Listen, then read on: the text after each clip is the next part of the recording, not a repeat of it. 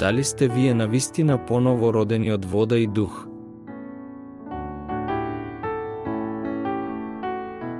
Паул Ционг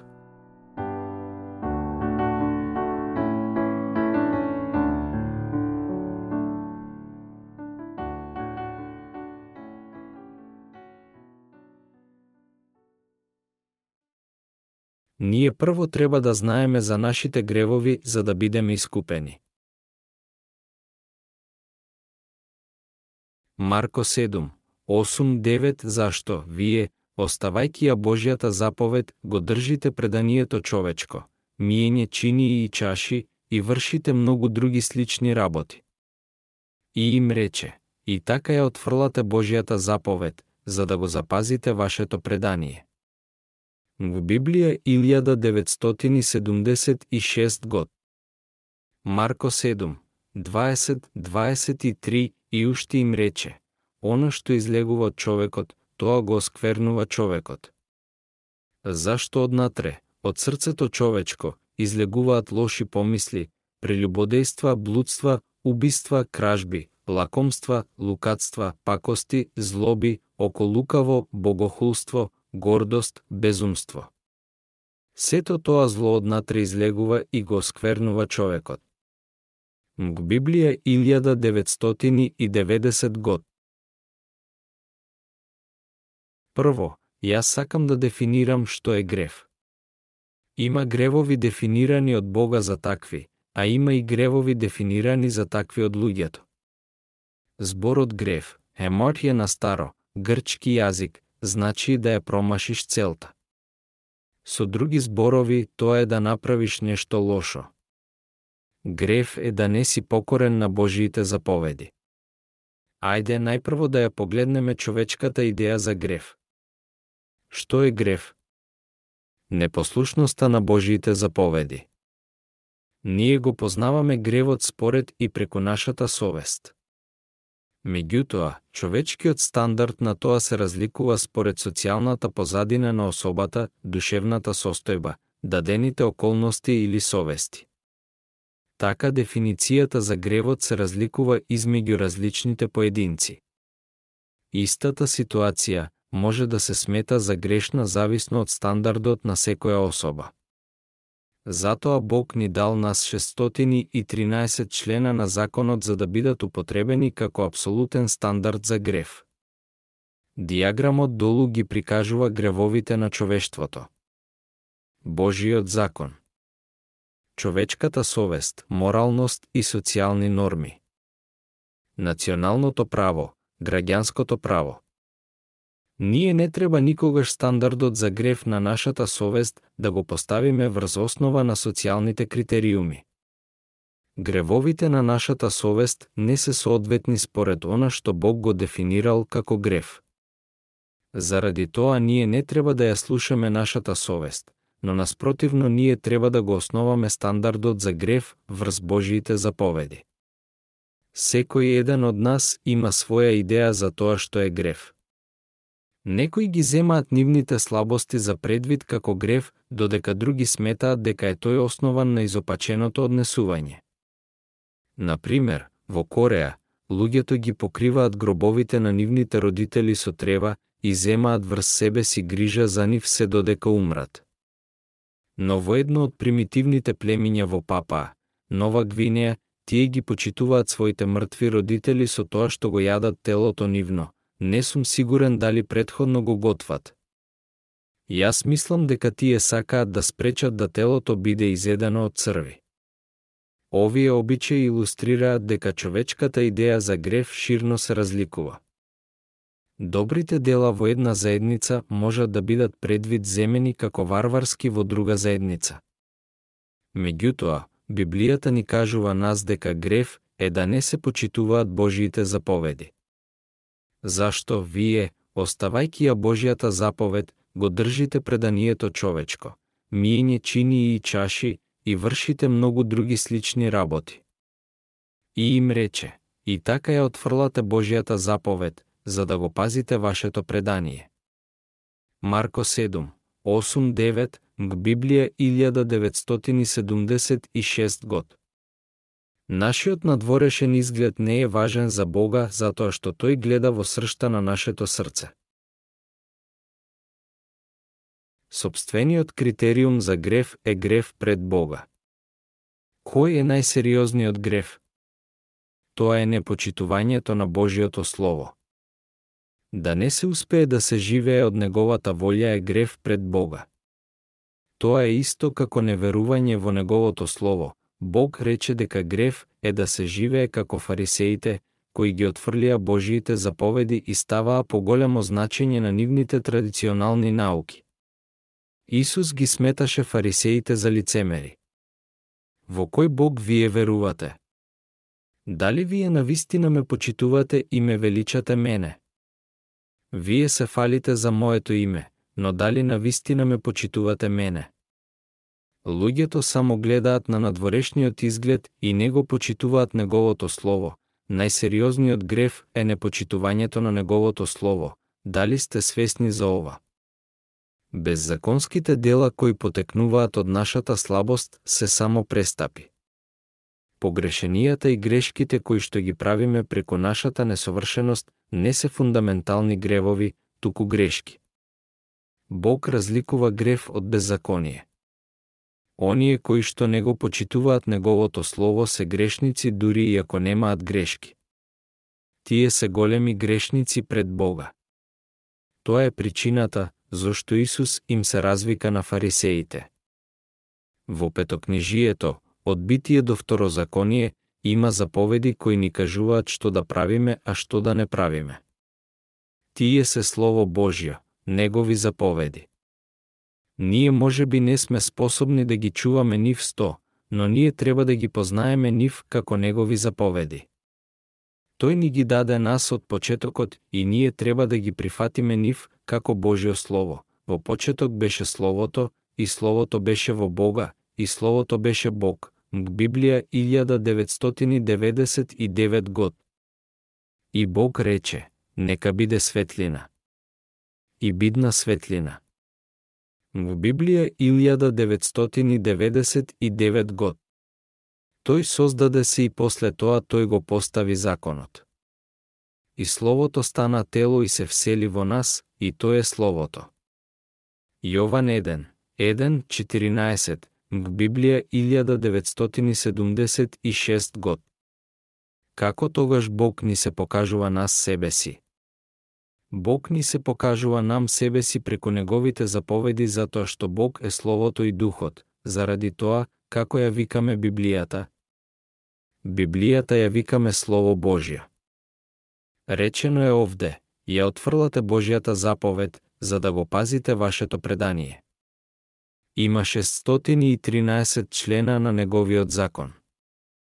Прави го ова, но не прави го тоа, почитувај ги своите родители, и така натаму. Во книгата Левит стои како мажот и жената треба да однесуваат и што да се прави ако едно домашно животно падне в јама, имаше 113 члена во неговиот закон. Откако тоа не се зборовите од луѓето, ние треба да постојано размислуваме за нив. И покрај тоа што не сме способни да ги чуваме сите заповеди на неговиот закон, ние би требало, најмалку од се, да ги познаеме нив како Божи и треба да го почитуваме Бога. Дали има една реченица во Словото Божио која не е точна? Фарисеите ги оставија настрана заповедите Божи, за да ги чуваат обичаите на луѓето така отфрлајки ги неговите заповеди. Зборовите на нивните старешини имаа поголема вредност од зборовите Божи, кога Исус беше на земјава. Ова е тоа што тој сведочеше, и што него најповеќе го болеше беше дека луѓето го негираа Словото Божјо. Бог веќе ги даде 613 члена на неговиот закон за да не направи нас да ги разбереме нашите гревови и да ни покаже дека тоа е вистината, нашиот свет Бог, откако ние сите сме грешници пред Него, ние треба да живееме од вера и да веруваме во Исус, кој беше испратен кај нас од Бога заради Неговата љубов спрема нас луѓето кои го оставаат настрана неговото слово и не веруваат во него се грешници. Оние кои што не се способни да го чуваат неговото слово, се исто така грешници, но отфрлањето на неговото слово е многу посериозен грев. Оние кои извршуваат ваков тежок грев ќе завршат во пеколот. Неверувањето во неговото слово е најтешкиот грев пред него. Причината зошто Бог ни го даде законот. Зошто Бог ни го даде законот? За да не направи нас да ги сватиме нашите гревови и казната за нив. Која беше причината зошто Бог ни го даде нас законот? Тоа беше за да не направи нас да ги сватиме нашите гревови и да се вратиме кај Него. Тој ни ги даде 613 члена на законот за да ние можеме да ги познаеме нашите гревови и да бидеме искупени преку Исус Христос. Тоа е зошто Бог ни го даде законот. Во Римјаните 3, 20 напишано е, зашто преку законот доаѓа самото познавање на гревот. Во Библија 1999 год. Заради тоа, ние знаеме дека Божјата причина за давањето на законот на нас не беше за да не насили нас да живееме според него. Сега, кој е познавањето кое го добиваме од законот? Тоа е дека сме премногу слаби за да целосно го почитуваме законот во неговата целосност и дека ние сме гробни грешници пред него, што сваќаме ние од 613 члена на неговиот закон. Ние ги сваќаме нашите слабости и неспособности да живееме од неговиот закон. Ние познаваме дека ние, созданието Божјо, сме нецелосни суштества, исто како и гробни грешници пред него, според неговиот закон ние сите би требало да завршиме во пеколот.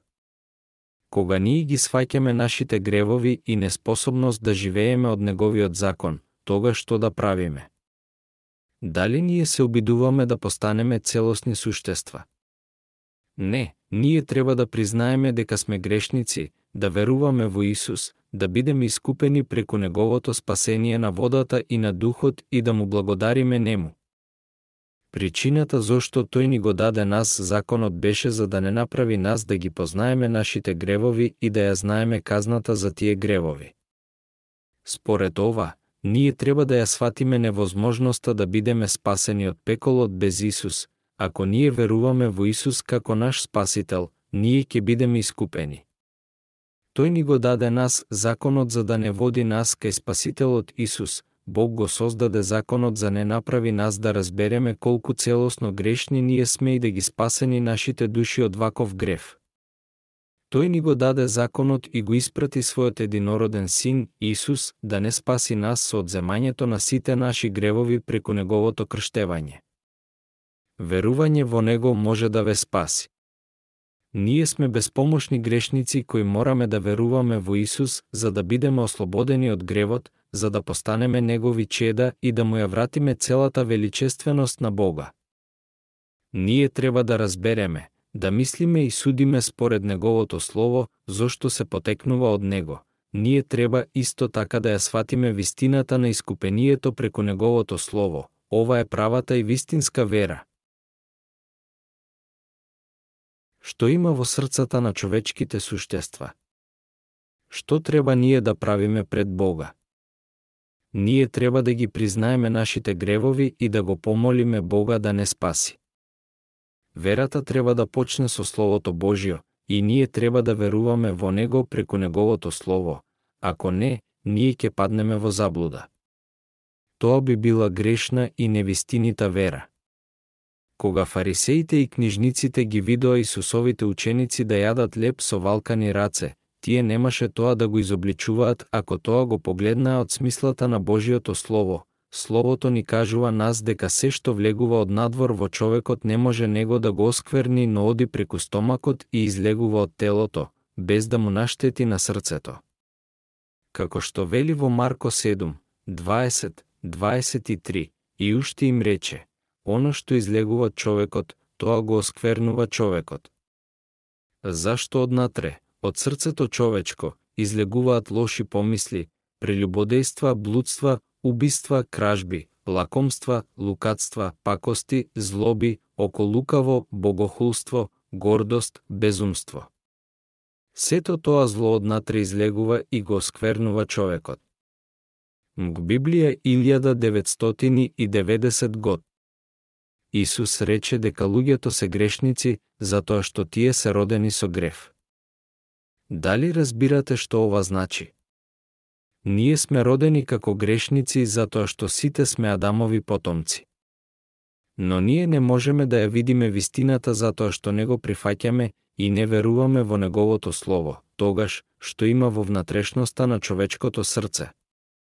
Погорната строфа вели, зашто однатре, од срцето човечко, излегуваат лоши помисли, прелюбодејства, блудства, убиства, кражби, лакомства, лукатства, пакости, злоби, околукаво, богохулство, гордост, безумство, МГ Библија 1990 год. Секакви видови на зло излегуваат од човечкото срце и го прават нечист човекот. Запишено е во псалмите, кога ќе ги погледам небесата, дела на прстите твои, па месечината и звездите, што си ги поставил ти. Што е тоа човек, да се сеќаваш на него, или синот човечки, па го посетуваш? Псалми 8, 3, 4, МГ Библија 1990 год. Зошто Бог самиот не посети нас? Тој не посетува нас затоа што тој не љуби, не создаде нас и се смилува на нас грешниците. Тој ги премавна сите наши гревови и не направи нас негов народ. Господи, Боже наш, колку е величествено Твоето име по целата земја. Царот Давид го пееше овој псалм во Стариот Тестамент, кога тој свати дека Бог ќе постане спасителот на грешници. Во Новиот Тестамент, апостолот Павле го повтори истиот псалм. Тоа е толкаво чудно нешто дека ние, Божиото создание, можеме да постанеме деца на Создадителот. Тоа е направено само преку Неговото милосрдие за нас. Ова е љубовта Божја. Ние треба да познаеме дека обидувањето да целосно живееме според законот Божи е безобразен предизвик кон Бога. Тоа исто така е арогантна ориентација која доаѓа од нашето незнаење не е право да се живее надвор од неговата љубов додека се бориме да го чуваме законот за нас, себе си и да се молиме очајно за таков живот. Божја волја е да ние треба да се познаеме себе си како грешници под законот и да веруваме во неговото искупение на водата и крвта на Исус. Неговото слово е запишено во Марко 7, 20, 23 и уште им рече, Оно што излегува од човекот, тоа го осквернува човекот. Зашто однатре, од срцето човечко, излегуваат лоши помисли, прелюбодејства, блудства, убиства, кражби, лакомства, лукатства, пакости, злоби, околукаво, богохулство, гордост, безумство. Сето тоа зло однатре излегува и го сквернува човекот. МГ Библија 1990 год. Исус рече дека што излегува од човечкото суштество, внатрешните гревови, го прават него неа нечист. Дури и нечистата храна што Бог ја дава не може да не направи нас нечисти. Целото создание е чисто, но само работите што излегуваат од човечките суштества, тоа се гревовите, не прават нас нечисти. Ние сите сме родени потомци на Адам. Така, со што сме ние родени? Ние сме родени со 12 видови на грев. Не е ова точно. Тогаш дали ние можеме да живееме без да извршуваме гревови? Ние ќе продолжиме да грешиме затоа што ние сме родени со грев. Можеме ли да престанеме со грешење заради што го знаеме законот? Можеме да живееме според заповедите, Не, колку повеќе се обидуваме да живееме според законот, толку потешко постанува. Ние треба да ги сватиме нашите ограничувања и да ги отфрлиме нашите поранешни ориентации. Тогаш, со понизен памет, ние можеме да го примиме крштевањето и крвта на Исус, кој не спасија. Сите 613 члена на законот се добри и правилни но луѓето се грешници од времето кога се зачнати во утробата на нивните мајки. Кога ние ќе сватиме дека законот Божи е праведен, но дека ние сме родени како грешници кои никогаш не можат да постанат праведни самите од себе, ние доаѓаме до сваќање дека потребна ние е милосрдната милост Божја и искупението на Исус со Евангелието на водата, крвта и духот, кога ќе ги сватиме нашите ограничувања, дека ние не можеме да постанеме праведни самите од себе и дека ние ќе одиме во пеколот за нашите гревови, ние не можеме друго освен да се подкрепиме на искупението на Исус. Ние можеме да бидеме избавени. Ние треба да знаеме дека ние самите од себе сме неспособни да бидеме праведни или добри пред Бога. Заради тоа, ние треба да признаеме пред Бога дека сме грешници кои се на пат кон пеколот и да се молиме за Неговата милост. Боже, те молам спаси ме од моите гревови и имај милост кон мене. Тогаш, Бог сигурно ќе ве сретне во Неговото Слово. На ваков начин ние можеме да бидеме избавени. Ајде да ја видиме молитвата Давидова. Ке бидеш праведен кога ќе проговориш, која ќе пресудиш без прекорување, Псалми 51, 4, Библија 1999 год. Давид знаеше дека тој е маса на грев дека беше доволно злобен за да биде фрлен во пеколот, но тој призна пред Бога, Господи, ако ме наречеш грешник, јас ќе бидам грешник. Ако ти ме наречеш праведен, јас ќе бидам праведен. Ако ти ме спасиш, јас ќе бидам спасен. И ако ти ми испратиш во пеколот, јас ке завршам во пеколот. Ова е правилната вера и начинот да се биде спасен. Ова е какви ние треба да бидеме ако се надеваме да веруваме во искупението на Исус. Ние треба точно да знаеме кои се нашите гревови. Откако ние сме потомци на Адам, ние сите имаме похоти во нашите срца. Меѓутоа, што ни кажува Бог. Тој ни кажува да не извршуваме прелюба и покрај тоа што имаме прелюба во нашите срца. Ние имаме убиства во нашите срца, но што ни кажува Бог? Тој ни кажува да не убиваме. Ние сите ги презираме нашите родители во нашите срца, но тој ни кажува да ги почитуваме нив. Ние треба да сватиме дека неговото слово е праведно и добро, но ние сите имаме грев во нашите срца. Дали е ова точно или не е? Тоа е апсолутно точно. Заради тоа, што треба ние да правиме пред Бога? Ние треба да признаеме дека ние сите сме маса на грев и безпомошни грешници. Не е право да мислиме дека вчера бевме праведни зашто вчера не погрешивме, но дека сме грешници денес затоа што денес извршивме гревови. Ова е зошто ние треба да бидеме искупени преку вера во крштевањето на Исус. Ние не сме грешници заради нашите дела, како што се извршување на прелюба, убиство, кражби, прелюбодејство. Но ние сме грешници затоа што ние сме родени како грешници. Ние бевме родени со 12 видови на грев и откако сме родени како грешници во очите Божии, ние не можеме никогаш да постанеме добри преку нашите дела. Ние можеме само да се преправаме да сме добри. Ние сме родени со грешна совест, така како можеме да бидеме праведни ако не ги извршуваме овие гревови. Ние самите од себе никогаш не можеме да бидеме праведни пред Бога. Ако тврдиме да сме праведни, тоа е лицемерие. Исус ги нарече фарисеите и книжниците, фарисеи и книжници лицемери.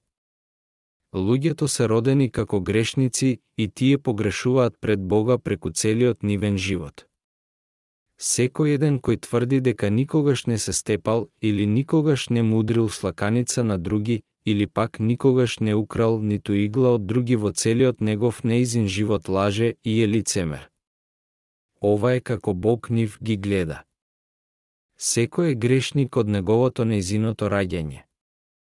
Дури и ако не извршите ниту едно грешно дело, вие сте на пат кон пеколот.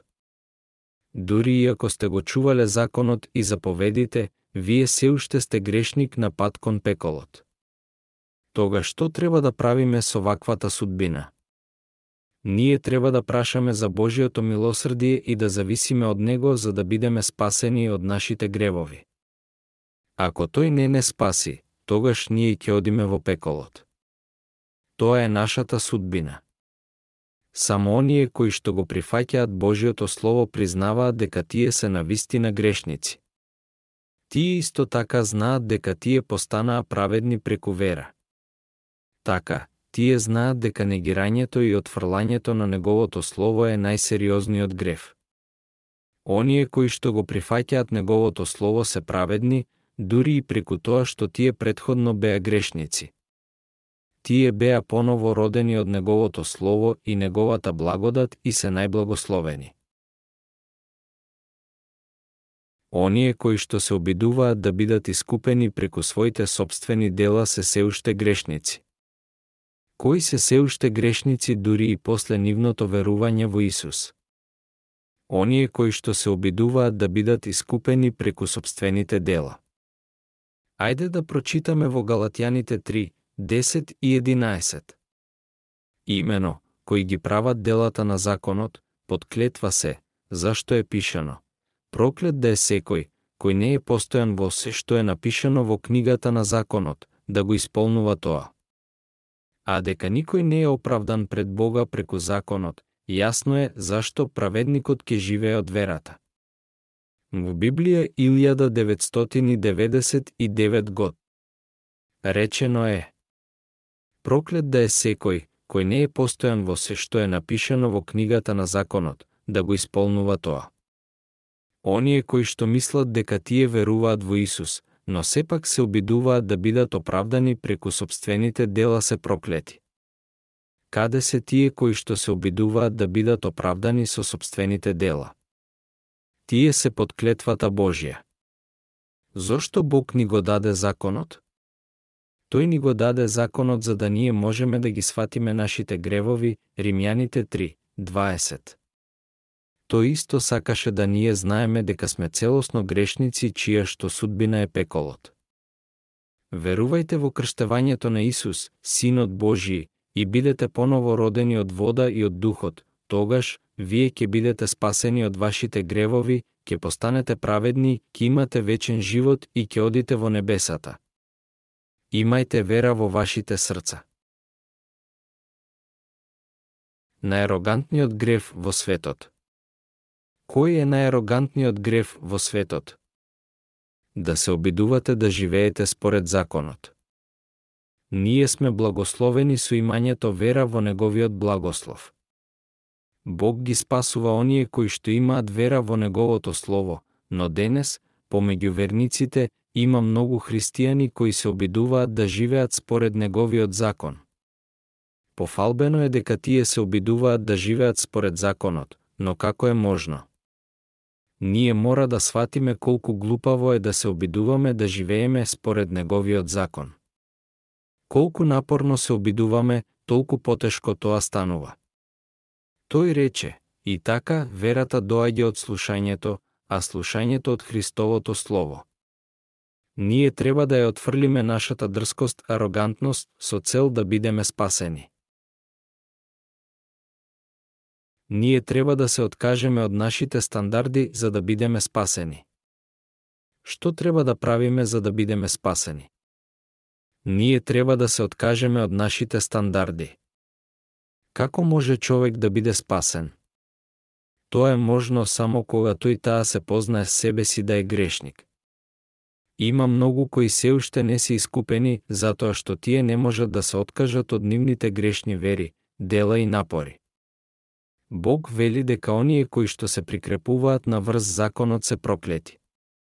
Оние кои што веруваат дека постепено можат да постанат праведни преку нивното обидување да живеат според законот после нивното верување во Исус се проклети. Тие веруваат во Бога, но тие се уште мислат дека тие треба да живеат според законот за да бидат спасени. Драги пријатели, можеме ли ние да постанеме праведни преку нашите дела? ние постануваме праведни само преку верувањето во Словото на Исус, и само тогаш ние сме спасени. Само со имањето вера во крштевањето на Исус, Неговата крв и Неговата божественост, ние сме спасени. Тоа е зошто Бог го приготви законот на верата за нас како начин да постанеме праведни. искупението на водата и духот не лежи во напорите на луѓето, но во верата во Словото Божјо. Бог не избави нас преку вера и тоа како што Бог го испланира и заврши нашето спасение. Зошто не се искупени оние кои што веруваат во Исус? Затоа што тие не го прифатија словото на искупението на водата и духот, но ние, кои сме нецелосни како што и тие се, сме искупени преку нашата вера во Словото Божјо. Ако две особи работеа на мелнички камен, едниот е оставен за да продолжи да работи, и покрај тоа што другиот беше одземен. Оној кој беше оставен го представува оној кој се уште не е искупен. Зошто едниот беше одземен, а другиот оставен? Причината е затоа што едниот го слушаше и веруваше во Словото Божјо, но другиот работеше напорно за да го чува законот и беше накрај фрлен во пеколот. Таа особа се обидуваше да исползи до Бога, но Бог го истресе, исто како да беше бубачка која лазе на неговите нозе. Ако особата се обидува да исползи нагоре кон Бога преку обидувањето да го чува законот, тој таа сигурно ќе бидат фрлени во пеколот. Тоа е зошто ние треба да бидеме искупени преку вера во водата и духот, имено, кои ги прават делата на законот, под клетва се, зашто е пишано. Проклет да е секој, кој не е постојан во што е напишано во книгата на законот, да го исполнува тоа. А дека никој не е оправдан пред Бога преку законот, јасно е зашто праведникот ќе живее од верата Галатјаните 3, 10, 11, Римјаните 1, 17. Во Библија 1999 год. Неверувањето во Словото Божјо е грев пред Бога. Соодветно на ова грев е да се отфрла Словото Божјо според стандардите на секоја поединка. Ние човечките суштества не можеме да живееме според неговиот закон затоа што ние сме сите родени како грешници и продолжуваме да грешиме нашиот цел живот. Ние грешиме малку овде, малку таму, и на секаде каде што одиме. Ние треба да сватиме дека сме од месо и не можеме друго освен да грешиме човечкото суштество е како голема кошница со тор. Ако го носиме на секаде, тоа ќе почне да се истура и да испрскува се, на секаде каде што одиме. Дали можете да го замислите ова? Дали се уште би се преправале дека сте свети? Ако јасно бевте свесни за себе си, вие ќе се откажевте од обидувањето да сте залудно свети и ќе верувавте во водата и крвта на Исус. Оние кои што се уште не се поново родени треба да ја отфрлат нивната тврдоглавост и да признаат дека тие се гробни грешници пред Бога. Тогаш, тие мора да се вратат кај Неговото Слово и да откријат како Тој ги спаси нив со водата и духот,